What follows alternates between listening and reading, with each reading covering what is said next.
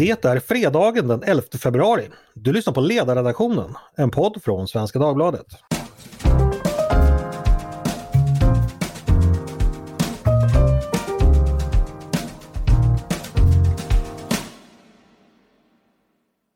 Varmt välkomna till oss på Svenskans ledarredaktion. Denna i alla fall här i Stockholm, soliga februaridag. Jag heter Andreas Eriksson och jag kan konstatera att vi faktiskt nått fram till sportlovet, i alla fall ifall man bor på Sveriges västersida, vilken en del är lyckliga nog att göra. De tunga oxveckorna går därmed mot sitt slut och vi kan åter se fram emot ljusnande tider. Varmt välkomna ska jag också säga till mina kollegor som jag som vanligt har omkring mig när det är fredag för att höra hur de tycker och tänker och känner inför allt det märkvärdiga saker som sker runt omkring oss. Exempelvis Maria Ludvigsson, vår viol från Flen, närmare bestämt från Malmköping. Välkommen! Oh, ja, det var tur att du rättade dig där. Men ligger inte Malmköping i Flens I kommun? I Flens kommun, men Ja. en gång i tiden var vi en egen kommun och då fick barnen i kommunen Malmköping på torget på julafton fick de godispåsar. Det var Okej. innan Flen kom. Sen kom Flen och förstörde detta. Exakt, tog bort godispåsarna och införde skatt. Vilket elände. Mm. Du, eh, Malmköping är ju lite känt som ett mecka för spårvagns, spårvägsintresserade. Bland annat med museispårväg. Ja. Eh, var det en verksamhet som du märkte av när du växte upp?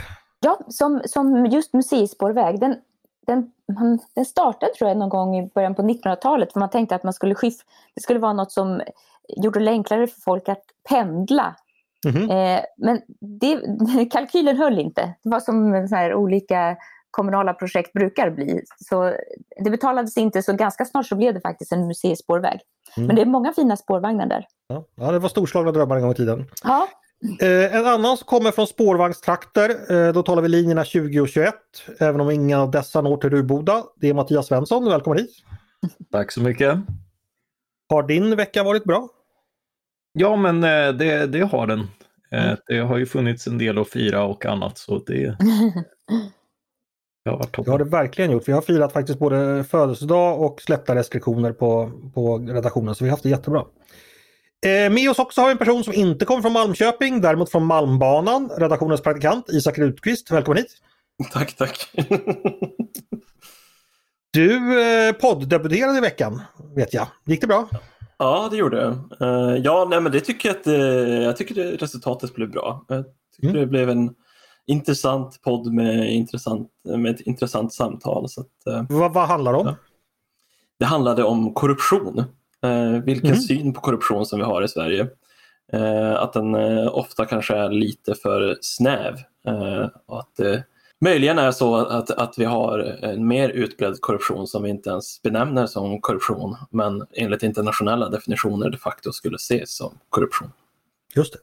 Den ska ni gå in och lyssna på. Den podden kom igår och den kan ni lyssna på direkt när ni är färdiga med det här. Och sist men inte minst, eh, från djupa susande hälsingeskogar, så djupa att varken spårvagn eller tåg någonsin hittat dit, redaktionens ledstjärna, kulinariska fyrljus och intellektuella båk, Tove Livendal. Välkommen! Tack så mycket Andreas, vilken fantastisk introduktion. Ja, eller hur? Jag Du, ska också du- bara berätta att jag en gång hämtade hem en liten stallkatt ifrån Flen, så cirklarna sluts verkligen på den här redaktionen. Ja, vad, vad, vad hände med eller vad, vad var det för stallkatt? Ja, han döptes till Fritz. Han luktade som ett knytegödsel när vi fick hem honom, men han fick en liten dusch, en motvillig dusch och sen ja, flyttade han in hos oss. Döptes han efter Fritz Viper eller Svanslös? Nej, inte alls. Eh, han döptes efter min eh, gammelmorfars bror Fritz som bodde mellan Wilhelmina och Dorotea. Eh, Mhm. och, han var glad i dryckjom. Ja, han, han liksom många andra. Är du nöjd med våra arbetsinsatser i veckan Tove? Jag är mycket nöjd. Jag har ju som ambition att jag själv ska lära mig något av att läsa ledarsidan varje dag och det tycker jag går, det går väldigt bra. Det är väl investerad tid. Vad bra. Eh, och arbetsveckan är inte slut än för nu ska vi köra igång av podd. Eh, dagens första ämne tänkte jag att vi skulle börja eh, med ett av veckans mest omtalade ämnen. Nämligen den proteströrelse mot svenska myndigheter som väckts både inom landet och utomlands med anledning av omhändertagandet av några barn. Det är stiftelsen Doku som har rapporterat om det här, att det förekom påståenden om dessa omhändertaganden som är falska, att de i själva verket är då att svenska myndigheter helt enkelt ja, tar, eller kidnappar barn till muslimska föräldrar för att sedan eh, så att säga tvångssekularisera dem eh, i ett islamofobiskt syfte. Dessa påståenden sprids på sociala medier och har också uppmärksammats av tv-kanalen Al Jazeera. Och känslorna mot Sverige har då blivit häftiga. Eh, hot om våld har också uttalats. Myndigheten för psykologiskt försvar menar att det rör sig om en organiserad påverkanskampanj. Eh, och det här har varit en ganska stor grej i veckan. Ove, du, har, du, du har skrivit om det här, eh, landat i flera tankar och slutsatser. En är att den här kampanjen syftar till att öka spänningar mellan grupper i Sverige och försvaga svenska myndigheter. Men vi börjar där. Vad, ja, kan du utveckla det lite? Vad, vad, är, vad är syftet bakom den här kampanjen tror du? Vem, vem kan tänkas stå bakom? Det är ju så här att det, det fin, det, vi befinner oss i ett pågående informationskrig och det har vi ju blivit uppmärksammade på våra myndigheter och underrättelsetjänst att man, man får se det som ett pågående krig och i ett sånt så kommer man så finns det aktörer som hela tiden letar efter olika sätt att flytta fram sina positioner. Mm. Eh, och i det här fallet så är det då frågan om socialtjänstens omhändertagande som har kommit att bli ett sätt att försöka här, undergräva eh, samhället på olika sätt. Och, och, ibland så är det också så, vilket naturligtvis, eh, vad ska man säga, det, det är ju så med sådana här kampanjer att man man får människor att bli upprörda för någonting som de intuitivt tror är sant.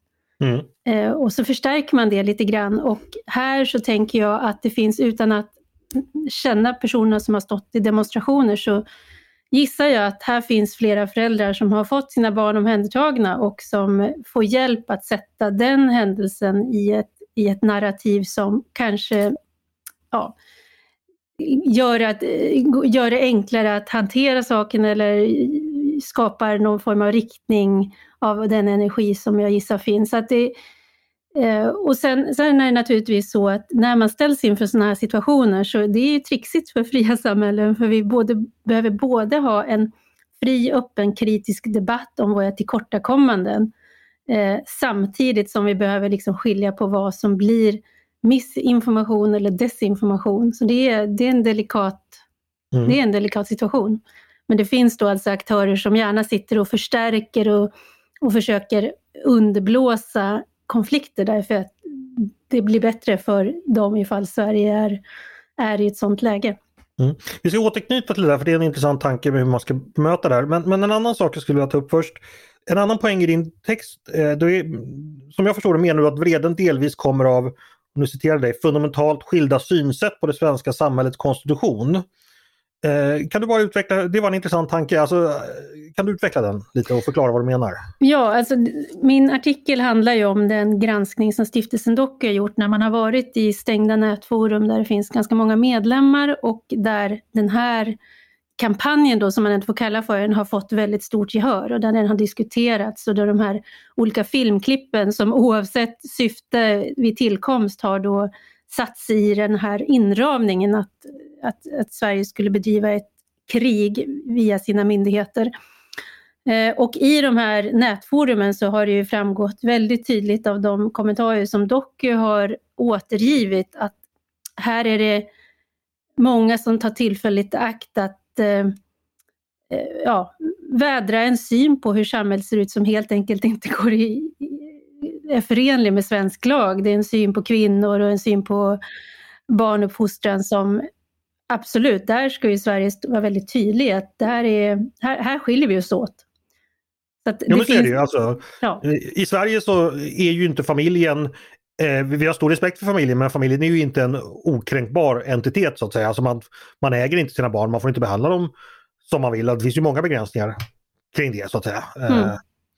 och det är ju någonting som naturligtvis inte är givet utan det kan ju skilja sig mellan kulturer och det har skilt sig också i den svenska kulturen över tid. Absolut, och, och det, det, där är ju så att säga en det har ju en direkt bäring på liksom diskussionen om integration, till mm. exempel mm. mellan kulturer. Att om man till exempel underkänner våldtäkt så länge det sker inom äktenskapet, att det då inte kan räknas som, som våldtäkt. Ja, det, det är en väldigt, då har man fundamentalt olika syn på, på i det här fallet då vilka rättigheter kvinnan har och ja, vad som är ett brott helt enkelt. Och det är ju sådana såna kommentarer som har kommit fram i som en liksom pendang till den här kampanjen. Just det. Nej, men jag, tänker, jag har exempelvis haft samtal med, med amerikanska bekanta då, då. En sak som de tycker är mycket märkligt i Sverige det är våra begränsade möjligheter till hemskolning. De, de ser det som en oerhört förtryckande institution att man inte ska ha rätt att hemskola sina barn, vilket det finns väldigt små möjligheter till att göra i Sverige.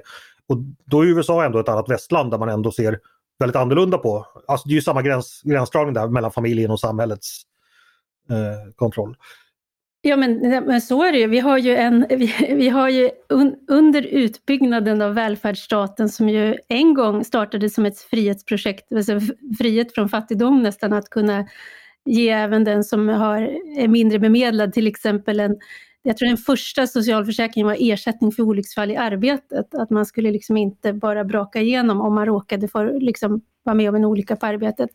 Men med den utbyggda välfärdsstaten har också följt en väldigt stor paternalism ifrån den svenska staten. Och det är klart att där har ju den här ledarsidan för ju också ständigt en diskussion om hur, ja, var gränsen ska gå mellan stat och medborgares eh, makt och friheter. Så det är, det är en levande, högst levande diskussion och det är klart att det finns andra länder som har eh, en annan syn. Om jag tar till exempel det här nu när vi, på grund av att vi har många barn som inte riktigt kan svenska när de börjar skolan, så istället för att säga att nej, men då behöver vi ha en kanske obligatorisk språkförskola som man har på Åland, då säger man att nej, men nu måste alla barn börja obligatorisk förskola från ett års ålder. Så det har ju varit vårt sätt att lösa, att individuella problem ska lösas med kollektiva lösningar.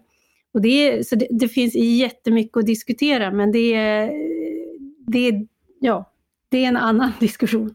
Ja, precis. Vi kom lite sidan om här. Jag tänkte åter, vi återknyter till just den här aktuella kampanjen. Det är ju så, för här eh, tycker jag mig ana att det finns möjligheter att det lätt blir fel. För att ett ingripande eller omhändertagande enligt LVU det är ju en våldsam inskränkning i människors liv, både barn och föräldrar. Alltså går det fel där är konsekvenserna förfärande.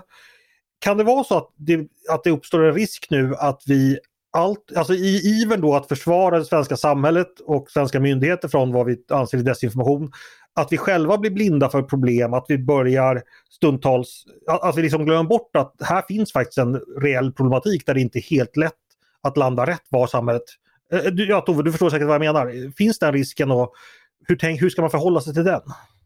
Risken finns alltid. Jag tänker på när Trump pratade om Last Night in Sweden och då blev vi så otroligt förolämpade över att han talade illa om Sverige. Så då sa alla att nej men vadå, det hände väl ingenting. Och, och sen, för, sen tog det ett tag och sen var vi tvungna att medge att det händer rätt mycket som vi inte vill mm. ska hända på kvällarna i Sverige. Exakt det jag menar.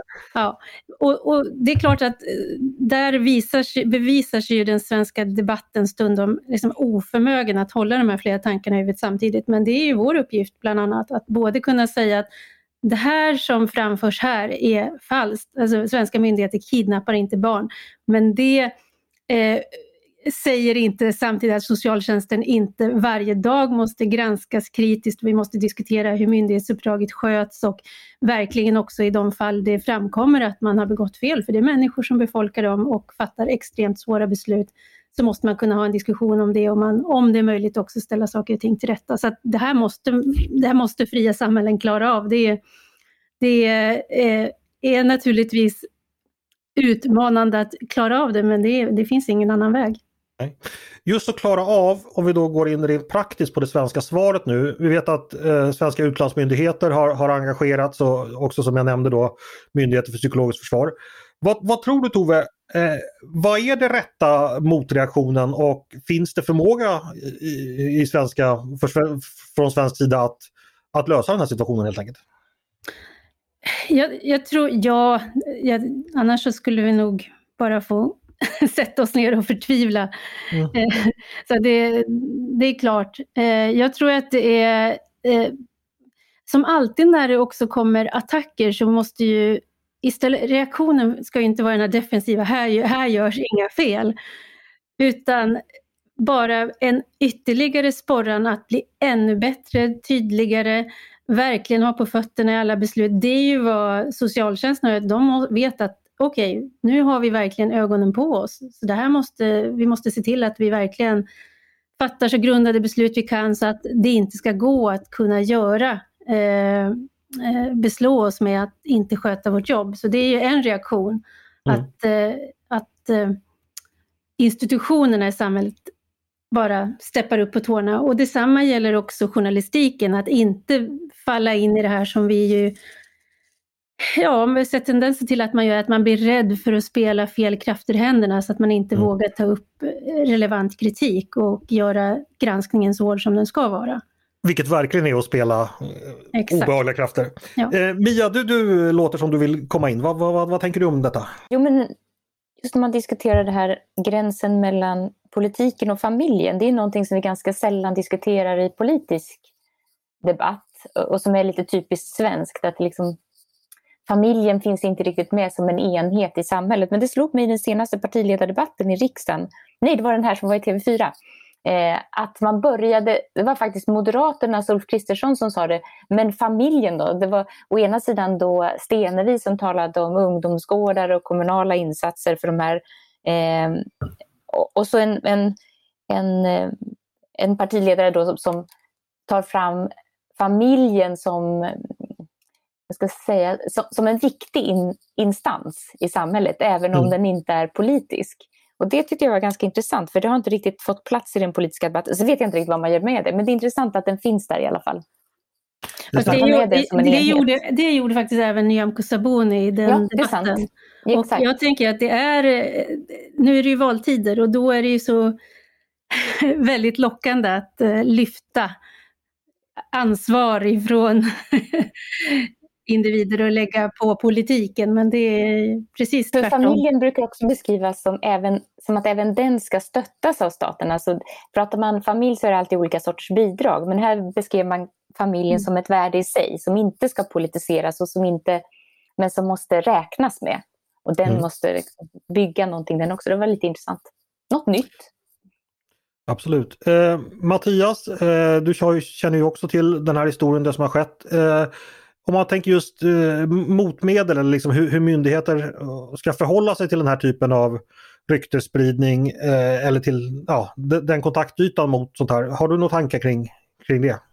Egentligen, jag tror inte att jag har några särskilt originella tankar. Det, eh, det, det, det, finns ju ett, eh, alltså vi jobbar med nya plattformar med nya typer av, av informations, eh, alltså på ett sätt är det ju gammalt med ryktesspridning och annat men det finns liksom andra möjligheter idag. Det har vi ju vaknat till eh, tidigare men, men eh, det, det, är ju slående hur, hur det kan slå inte bara mot samhällen och, och vara en del av försvaret utan faktiskt väldigt snabbt landa hos enskilda människor. För man, man har ju också pekat ut anställda eh, mm. som fattar de här besluten.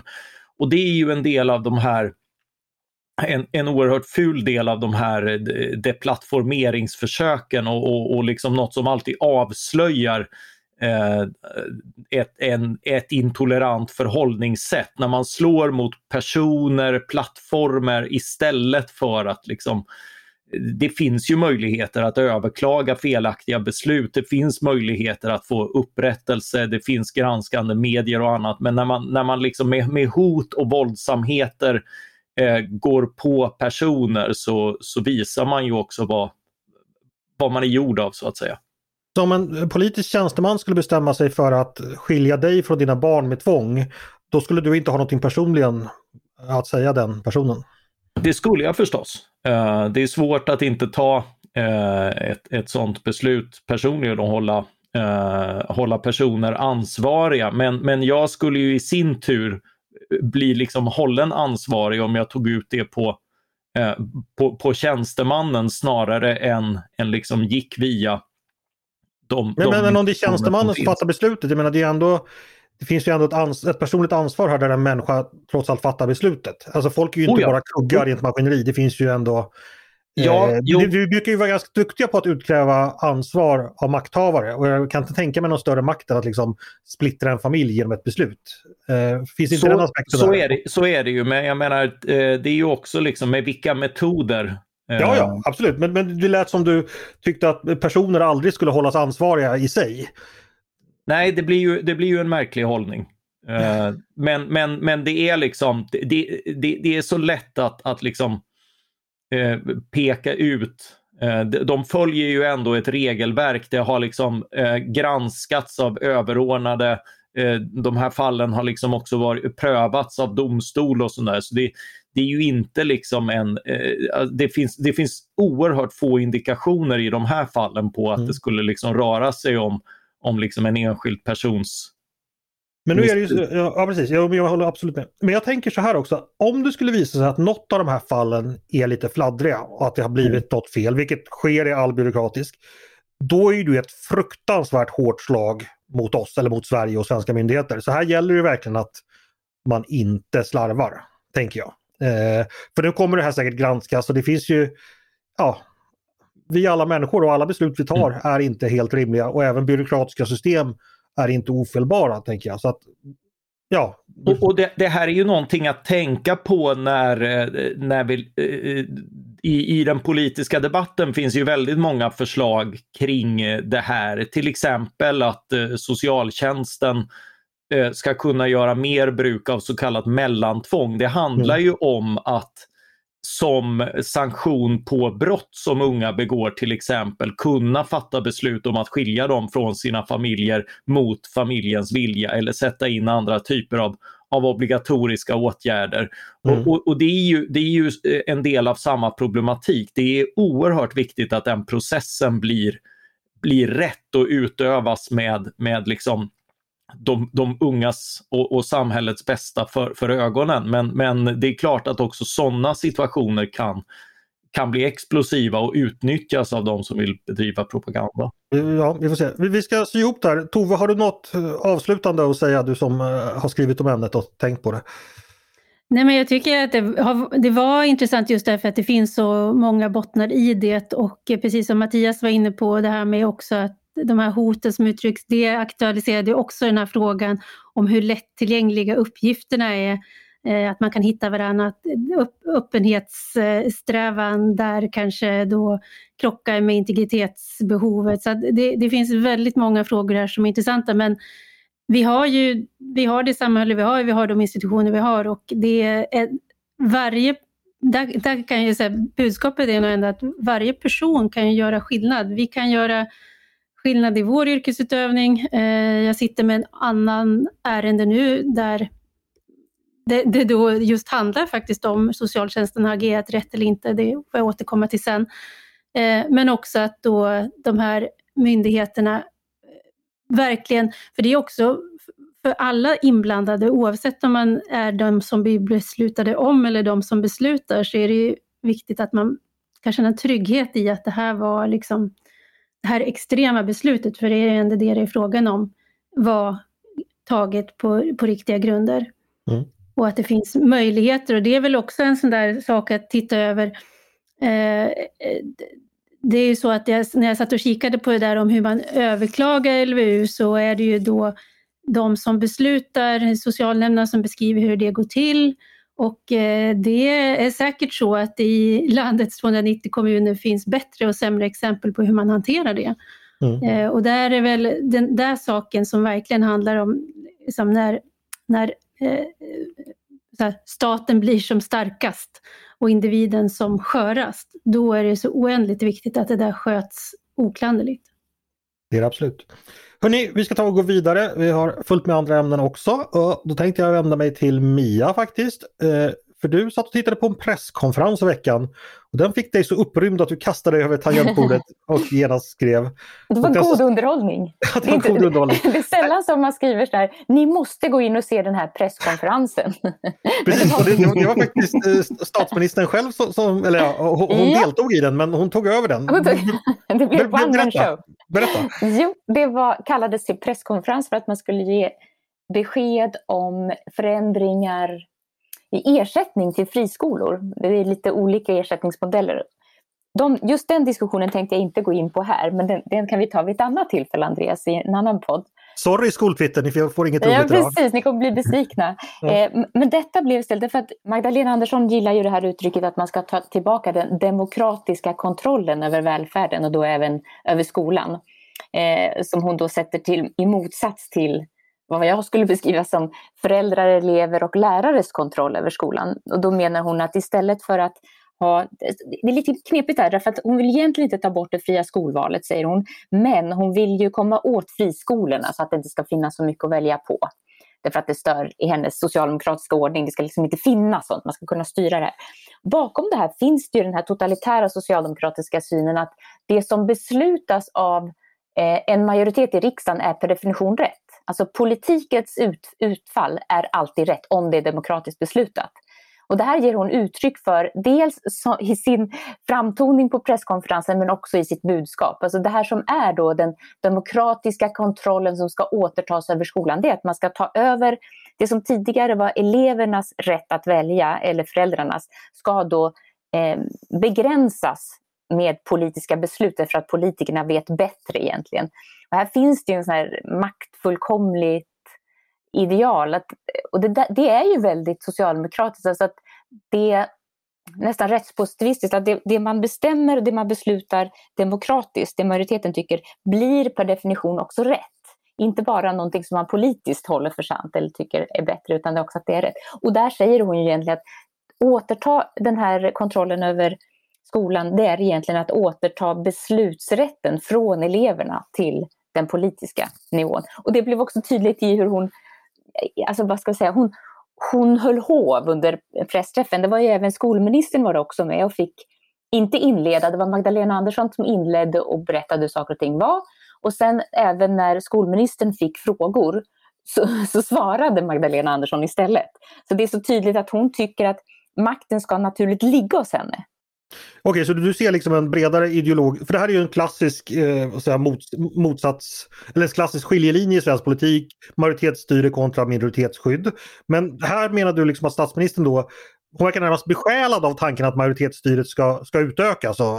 Ja, och jag tror hon är det. Jag tror att det ja. är hennes och många socialdemokraters, traditionella socialdemokraters starka vilja att, och övertygelse. Det är inte för att eh, vara besvärlig eller för att de själva är makthungriga utan de tror verkligen på riktigt att det blir bättre om majoriteten får bestämma över de flesta. Mm.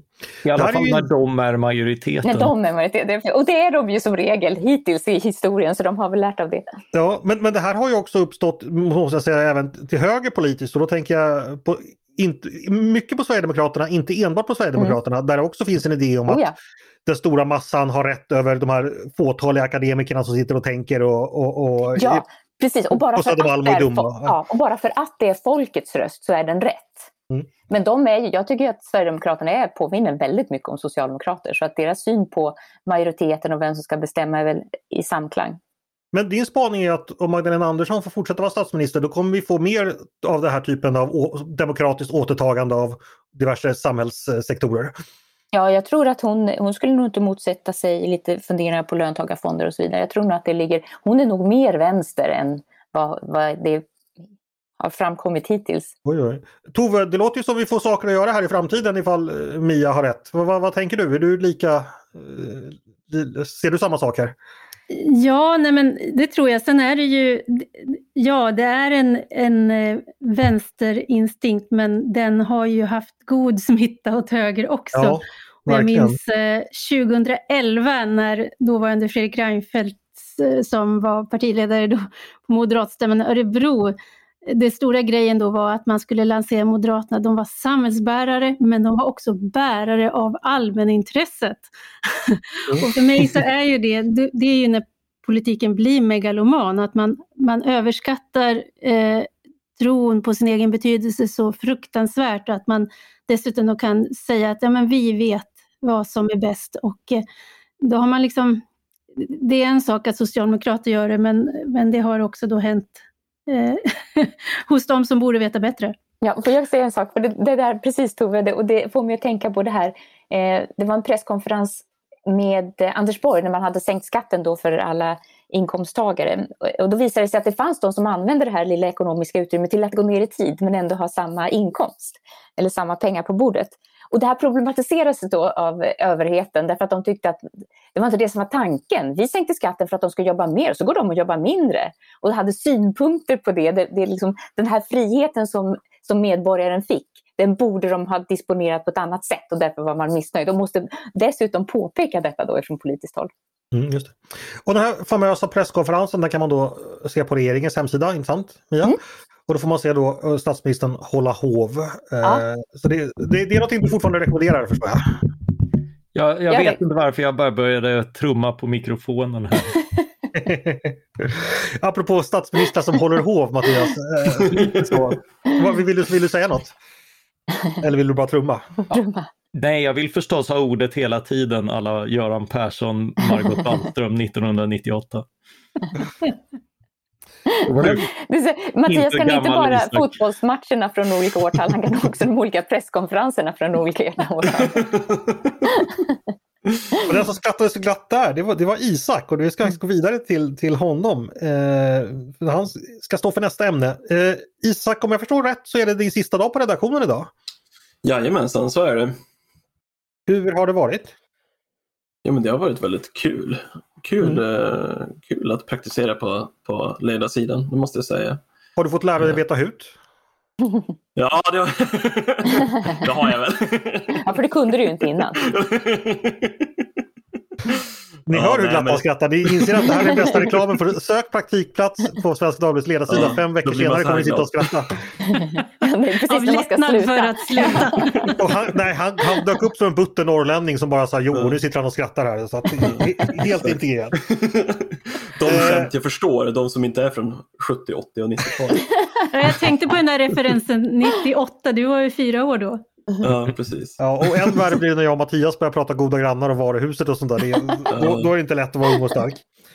Eh, men, men Isak, vi ska prata faktiskt eh, inte bara om din person utan också om det, det, det, vad du har skrivit. Eh, I veckan så har det handlat om påföljder för unga brottslingar. Hur de ser ut idag, hur de håller på att förändras. Och du var inte helt nöjd. Du sträckte upp ett litet varningens finger i luften. Berätta. Ja, alltså jag kan väl börja i den änden som jag börjar i texten. Att, att eh, det finns ett, ett begrepp som, som lyder att brösta en fyra för att bli en hundragubbe. Som då innebär att man är beredd att sitta fyra år i sluten ungdomsvård för att bli en fullvärdig medlem i ett gäng. Mm. ehm, för statusen då. Eh, och det där var ett, ett uttryck som jag stötte på för första gången i somras och som började sätta igång lite tankar i mitt huvud eh, kring har, har, vi, har vi kommit till den här punkten? Eh, dels att vi har alldeles uppenbart eh, problem eh, med att ungdomar dras in i den här typen av kriminalitet men att gäng också har ett intresse av det. Mm. Eh, och sen sedan årsskiftet då eh, intresse då i form av att det, man använder unga människor kanske först och främst i ett tidigt skede som hantlangare, alltså transporterar narkotika, vapen, gömmer det och så vidare och så vidare. Eh, Men sen att det också finns ett intresse av att eh, låta ungdomar begå väldigt grova våldsbrott. Mm. För de får lägre straff helt enkelt. de får, de får lägre straff och framförallt så drabbar det ju inte de äldre gängmedlemmarna. Mm. Så. Eh, Och sedan årsskiftet då så, så, har ju, så är ju straffrabatten slopad eh, för de som är mellan 18 och 20 år gamla. Och det här, jag är inte emot att liksom slopa straffrabatten för de som är mellan 18 och 20. Mm. Eh, Så. Det jag vänder mig emot är att om man nu gör det så, så bör man ha tittat på påföljderna för de som är mellan 15 och 17. I och med att i de här grupperingarna så finns det ju inte bara de som kanske är 22 eller 21 eller de som mot all förmodan har lyckats bli äldre än 25. Utan det finns ju de som faktiskt är 18, 19, 20 i de här gängen som nu får ett större incitament att eh, rekrytera barn och ungdomar eh, och dessutom förmå dem att begå väldigt grova våldsbrott. Det, det, det är en incitamentstruktur som, som eh, redan har funnits men kommer förstärkas nu. Och det För tycker för jag marginaleffekten mellan så att säga att vara 17 år och 18 år. Precis, det blir en väldigt stor. väldigt, väldigt skarp gräns. Eh, Ja. så. Eh, Så, så incitamentet för en 18-åring som då vet att om jag själv utför det här brottet då kommer jag då straffas med, med full kraft. Jag har ingen straffrabatt längre. Men min kompis som är 17 år kan jag övertala honom. Så är det en helt annan straffskala så att säga. Så det, incitamentet mm. finns där. Mm. Eh, ja men vad ska vi göra då? Ska vi höja straffen för de som är mellan 15 och 17 år? Vad är det som säger att man inte rekryterar 14-åringar då? Eller hur, hur ska man tänka? Ja, det, det där är, det är, ju, det är ju liksom en del av kärndilemmat i, i den här frågan. Dels hur man ska stoppa liksom, nyrekryteringen in till de här gängen. Och det, det är liksom en, en miljoners eh, kronors frågan. Och där tror jag nog att det, det är väldigt viktigt med sociala insatser och att samhället också är beredd att arbeta med att förbättra de här områdena och bryta den kulturen som finns. Um, och en del i det är också inkapacitera uh, eh, de äldre gängmedlemmarna. Då. Mm. Men, men eh, det är liksom två delar. Dels stoppa nyrekryteringen in till gängen. Eh, men sen också att de, de som har dragits in i låg ålder men nu är mellan 15 och 17 Även där har ju samhället visat sig vara ganska oförmögna att hantera dem. Eh, det man gör det är att man dömer dem till sluten ungdomsvård och skickar dem till ett SIS-hem. Mm. Men i somras så, så sa ju Statens institutionsstyrelse då, som SIS står för att eh, de inte bedömer att de har den förmågan att kunna hantera eh, den gruppen personer. I och med att de är så våldsbenägna och de, de har liksom dragits in i det här kriminella träsket eh, till en gräns att de, de har inte förmågan att, eh, att handskas med dem. Eh, och där så tror jag nog att i, i just det åldersspannet så tror jag nog att man skulle behöva lämpa över det ansvaret till kriminalvården. Mm. Eh, som har en större erfarenhet av, av eh, grova våldsverkare men framförallt har eh, också erfarenhet av rehabilitering. Och då menar jag då inte att man ska skicka 16-åringar till Kumla utan då kanske man får upprätta speciella eh, ungdomsanstalter som förmodligen kommer kosta väldigt, väldigt mycket pengar för samhället. Eh, dels i, i rehabiliteringsinsatser men också att eh, hindra att eh, att eh, olämpliga personer sitter med varandra. Så det kommer nog vara ganska mycket resurser som kommer behöva koncentreras till varje specifik individ. Mm. Men jag, jag, tror att eh, det kommer man vara tvungen att göra. Jag tror att, att det offentliga, staten, kommer behöva eh, gå den vägen för att dels liksom bry, bryta den här destruktiva livsstilen hos individen men också för samhället eh, mm. och den samhällsutvecklingen. Så. Just det. Vi ska säga att eh, för er som lyssnar bara att eh, barn kan ju dömas till, till fängelse i Sverige men det görs inte normalt sett. Men man är ju straffmyndig från 15 år. Det satt mm. barn i fängelse, jag minns från min barndom var det en känd ungdomsbrottsling som var känd ur sin klottersignatur, så jag tror var SIP, som hamnade i fängelse som 15-åring. Jag minns ett reportage om honom där han satt och läste eh, Kalle Anka då, som han då skymde sitt, skymde sitt ansikte med. Jag tror sådana bilder gjorde att vi kanske då kanske frångick, det kändes inte särskilt bra att ha 15-åringar i fängelse men det du Isak beskriver är ju någon form av eh, ny institution kanske som skulle då ha den kompetensen som krävs och också de, de uh, kontrollmekanismer som krävs men inte mm. behöva vara liksom de förbrytarskolor som, alltså jag menar Bo, Nej bo. precis, för det finns ju, finns ju en risk. Liksom. Skulle man sätta en, en 15-16-åringar som 15-16-åringar som begår väldigt grova brott tillsammans med vuxna kriminella. Alltså det, det är verkligen ett Nej, det är inte bra. Och jag menar, forna tiders uppfostringsanstalter, alltså Bona och Hall som eh, skapade större delen av svenska kriminella på 1900-talet var inte heller någon särskilt bra lösning. Nej. Men eh, intressanta tankar, det, det, kan vi tänka vidare på. Någon annan som vill eh, kommentera det, det Isak berättar och fundera på? Tove? Jag tänker att när man hör den politiska debatten då talar de ju förbi varandra för då säger de igen att fängelse har inte hjälpt någon och så säger de andra men då håller de borta från gatan. Och båda två kan ju vara sant samtidigt. Mm. Eh, och då tänker jag att det är jätteviktigt att se till att personer som har kommit i ett läge där de är beredda att bruka våldskapital mot andra, de måste hållas ifrån potentiella offer.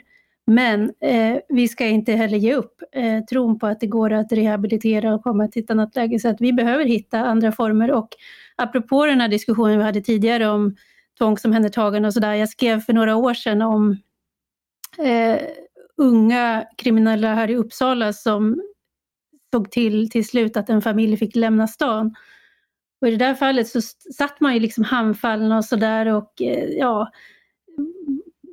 ja, nu var det ju icke straffmyndiga så de var ju, de, det blev liksom ingen påföljd. Men där känner man ju att det här är ju ett svek mot de ungar som också har kommit på fel väg. Att de behöver ju få en både tydlig signal och möjlighet till en adekvat hjälp så att de kan bryta en sån destruktiv livsstil. Men där har vi ju haft en oförmåga att göra rätt. Jag tänker på när vi hade den stora inflödet av ensamkommande unga män eh, och som eh, där diskuterade ju med socialarbetaren Lasse Sigelin som ju har jobbat jättemycket hela sitt liv med att hjälpa unga som har hamnat snett. Och eh, som var frustrerad över att vår norm säger att ja men då ska de in på HVB-hem. Och på HVB-hem så får du inte prata om asylprocessen, du får inte liksom tala om det som upptar dina mesta tankar utan då får du skickas iväg till BUP för att träffa någon, vilket är en helt omänsklig miljö att bara vistas i. Det är inte så konstigt att det liksom inte sker någon integration då. Eh, där de hade varit bättre betjänta av om vi snabbt hade kunnat hitta en, en liksom grundläggande bedömning av liksom, enklare familjehem och på så sätt ge dem anknytning till Sverige på ett annat sätt. Men då dyker det naturligtvis upp, och där är väl då rädslan som ju styr väldigt mycket myndigheterna. Man vill inte göra fel, man vill inte vara den som har beviljat det här hemmet där det gick åt helvete, för att uttrycka sig på ren svenska. Och då gör man istället att man kör institutionsvägen. Men det har också sina konsekvenser, så det här är jag, jag, säger det här bara för att säga, det, det, det, finns ingen enkel väg, men nog måste vi kunna klara det bättre än vad vi gör idag. Mm. Det får vi verkligen hoppas. Eh, eh, tack så mycket för den diskussionen och tack Isak för din eh, medverkan här på redaktionen. Det har varit jättetrevligt att ha dig här. Eh, jag tänkte vi ska gå vidare till, nu har vi pratat så hemska saker, eh, ungdomsbrottslighet, då måste vi gå över till något lite mer upplyftande och då går vi förstås till Mattias Svensson. Eh, du ska få berätta om en kommande text faktiskt som publiceras i helgen om ett jätteaktuellt ämne. Du har läst en bok som heter A shot to save the world. Och Då pratar vi inte om någon som bröstat en fyra utan om vaccin. Eh, eller framtagandet av vaccin närmare bestämt. Eh, och boken är skriven av Gregory Zuckerman. Eh, men jag ska inte berätta allt detta, det ska du göra. Berätta om boken och vilka tankar det har fött hos dig.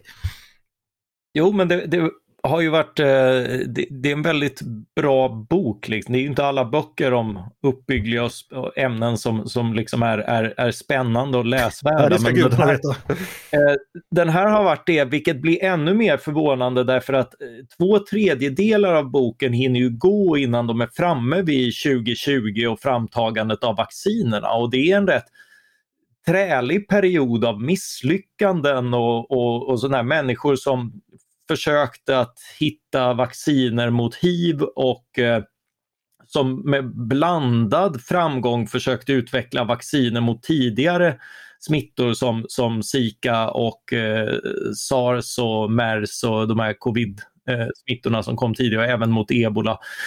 Eh, och, och, den här bakgrunden visar liksom eh, så, så oerhört många, dels genombrott men också liksom eh, att, att du kan verkligen vara oerhört begåvad, oerhört målmedveten och ägna hela ditt eh, yrkesliv åt att misslyckas och inte åstadkomma liksom något, något, resultat som faktiskt hinner göra skillnad mot människor, och, för människor. Och det är, inte, det är inte av dålighet, det är inte liksom av elakhet utan många, många är liksom verkligen eh, när man tittar på Eh, motiven så får man då liksom också väldigt olika. Det är, det är folk som är liksom väldigt eh, jag vill ha mitt namn först på den akademiska listan. Det är en oerhörd konkurrens eh, in, inom akademin att överhuvudtaget få plats, att överhuvudtaget få forskningsanslag och sådär. Man tävlar mot varandra, man, man hatar varandra och sådär, men man samarbetar också med varandra. Det finns ju förmodligen ingen akademisk Eh, korridor i, i, i, landet utan två personer som avskyr varandra. Liksom. Det, och, och, det följer lite grann av, av, av att det på vissa sätt är nollsummespel. Men det är outsiders. Vaccinerna har var, varit outsiders för det är en, det är en dålig affär. Eh, och, och, ett exempel kan ju, om man har tagit fram vacciner som förmodligen funkat mot flera av de tidigare virusen. Men det har man inte kunnat konstatera innan det är över. Och då Mm. står läkemedelsbolaget där med förluster på tiotals eh, miljoner dollar minst liksom, som, som man har investerat i, i tid och sådär liksom, för, en, för en produkt som inte går att sälja. Och även om man lyckas ta fram vacciner så är det så är det liksom en prestige för, för den som får sitt namn eh, överst och får erkännandet. Men det botar ju ofta, det räcker med en dos och sen, sen, sen är man skyddad. Medan medicinering pågår ju ständigt och det, det inser man ju att rent ekonomiskt är det svårt att få ihop den kalkylen. Plus att du måste behandla väldigt många och det finns alltid en risk att en liten eller större population där får någon form av biverkningar och då är du ansvarig för, för det och sådär. Så det är väldigt riskabelt men det är ändå många bolag som, som faktiskt sysslar med det. Och det, det, det tror jag beror väldigt mycket på människorna där. För det är liksom man pratar ju ofta vinstdrivande företag och sådär som om det vore någon form av automater. Och visst finns liksom kalkylen måste ju hem på något sätt. Men det är samtidigt, vill du locka de mest begåvade människorna så är de här som är riktigt besjälade väldigt många av dem berättar liksom historier om hur de stått maktlösa, jobbat med patienter inom vården, eh, mött hiv-patienter och andra och, och upplevt den här förtvivlan att bara, att inte kunna göra någonting. Mm. Och, och det, det, sitter liksom i, i hjärtat på alla de här liksom arbetsnarkomanerna som fullkomligt slitit ut sig för, för att liksom få fram vaccinerna. Men man får, man får en sån känsla för både, både människorna, särarterna, eh, behandlingen, de, de tuffa villkoren och att de samtidigt är ofrånkomliga för den liksom kaotiska sökprocess som leder fram till att man lyckas ibland. Det, är verkligen inga, det finns verkligen inga garantier, det var inte de väntade som lyckades utan det var företag som Eh, som, som satt liksom och eh, va, va, ja, eh, så, så satt med sina, de här moderna och Biontech till exempel som hade MRSA eh, vacciner, de hade ju inte producerat någon färdig produkt eller var ens i närheten och Moderna hade funnits i tio år. De kallades för bedragare och jämfördes med de här eh, blodprovsbedragarna. Liksom. Mm. Och så plötsligt eh, hitta, hitta dem rätt och bli liksom de som... Men du, måste fråga, eh, det remarkabla nu om man tittar på eh, eh, vaccin, vaccinets nära historia det är ju hur snabbt man tog fram eh, covid-vaccin på flera håll och som då verkligen fungerade. Och man gick igenom hela den processen. Berättas det i boken någonting om vad var framgångsfaktorerna bakom det? Vet vi det? Ja, en, en del är ju eh, MRSA, att det, att det går så mycket snabbare när, när man kan använda de metoderna. Men det var också så att man snabbade upp så att man gjorde alla, man har tre faser av testningar där man testar både liksom först eh, hur, hur säkra de är att använda så att de inte liksom leder till bieffekter och sen så testar man liksom hur, hur pass stort resultat har de mot, mot själva smittan.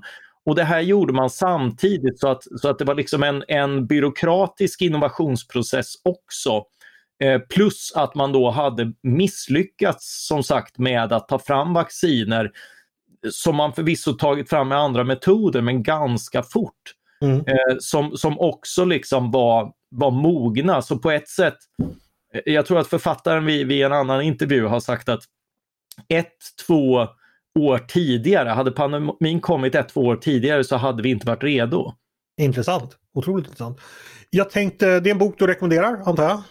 Ja, den, den, kan jag faktiskt rekommendera. Ibland så läser man ju för att eh, läsa och skriver om en bok så att läsaren ska slippa läsa själva boken och bara kunna bibringa sig kunskaper och slutsatser. Men det här var faktiskt riktigt läsvärd. Det är en, det är en upptäcktsfärd i hur, hur, hur lekfullt, slitsamt och oförutsägbart det mänskliga intellektet jobbar. Det låter ju nästan som du är inne på att byta karriär här till att bli, bli läkemedelsforskare Mattias. Är det någonting du överväger?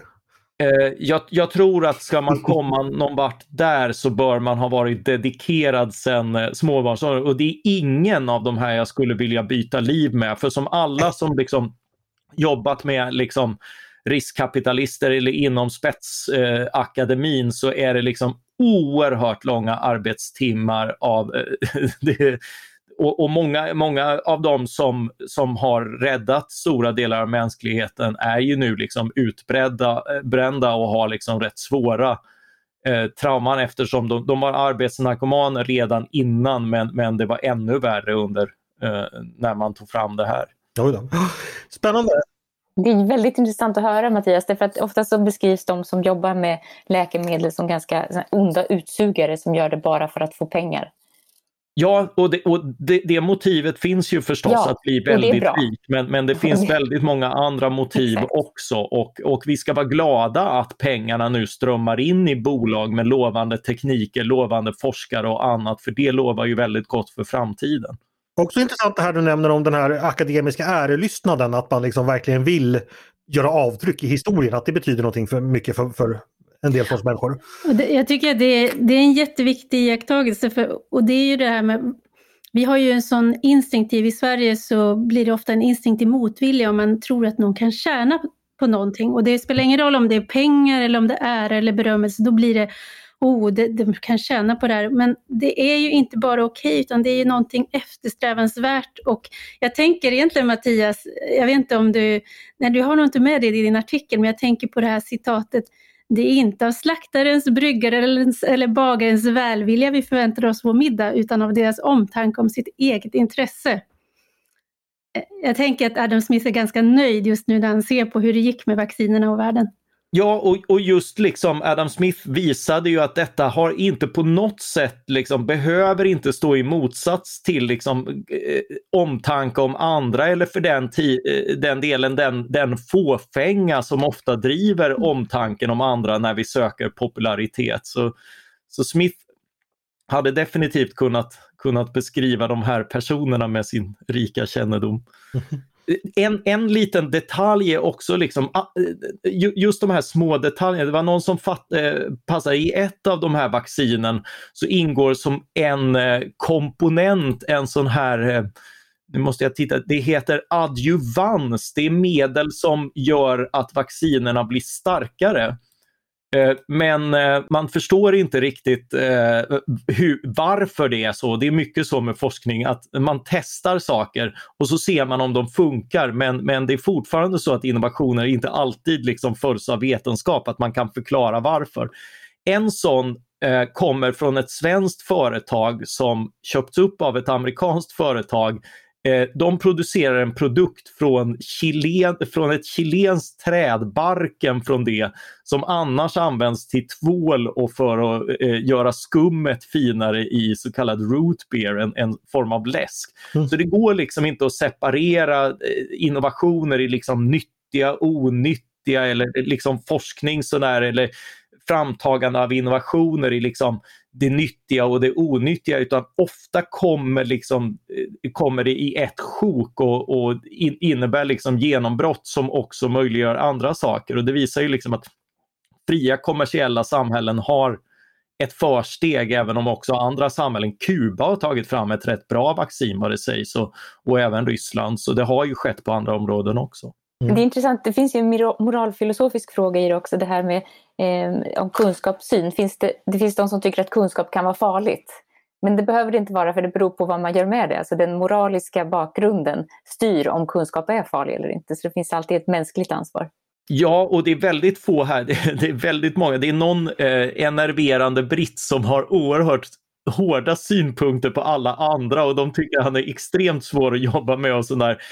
Eh, han, han, tog fram det här Oxford AstraZeneca-vaccinet ihop med andra. Liksom. Men, men samtidigt så har han ryktat om sig som oerhört omtänksam och lojal mot studenter, inkluderande i andra. Så, så liksom han, eh, han, han, har verkligen två sidor där och, och, och delar folks uppfattningar om honom.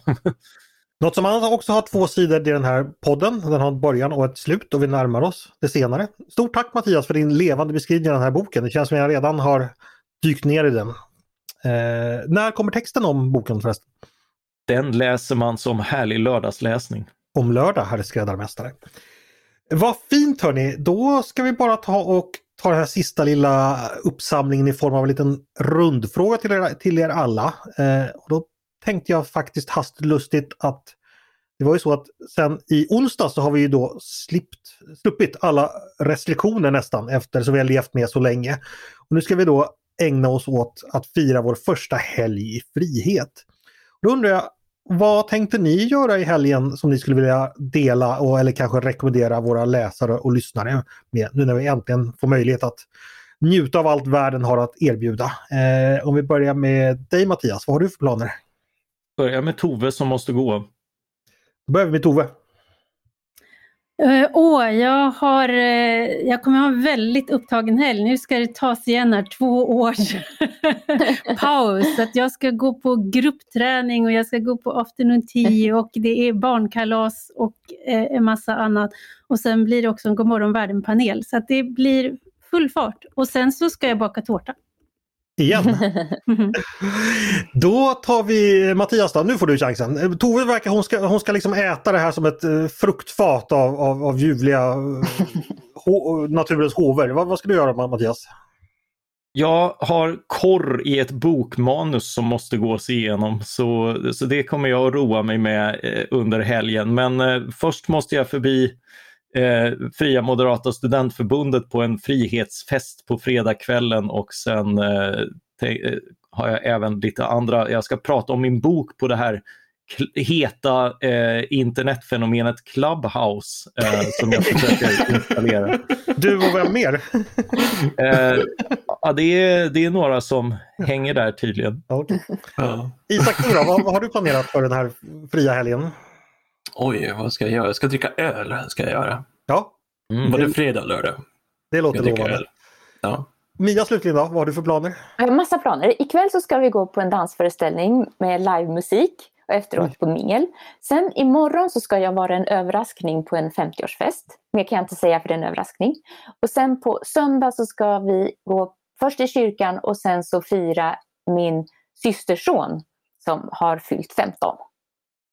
Gud vad härligt det låter. Ni verkar ha verkligen laddat upp för den här helgen. Jag hoppas ni som har lyssnat på oss också har Du då Andreas, vad har du för planer? Ja, just Jag ska åka till återvinningscentralen i Saltboden.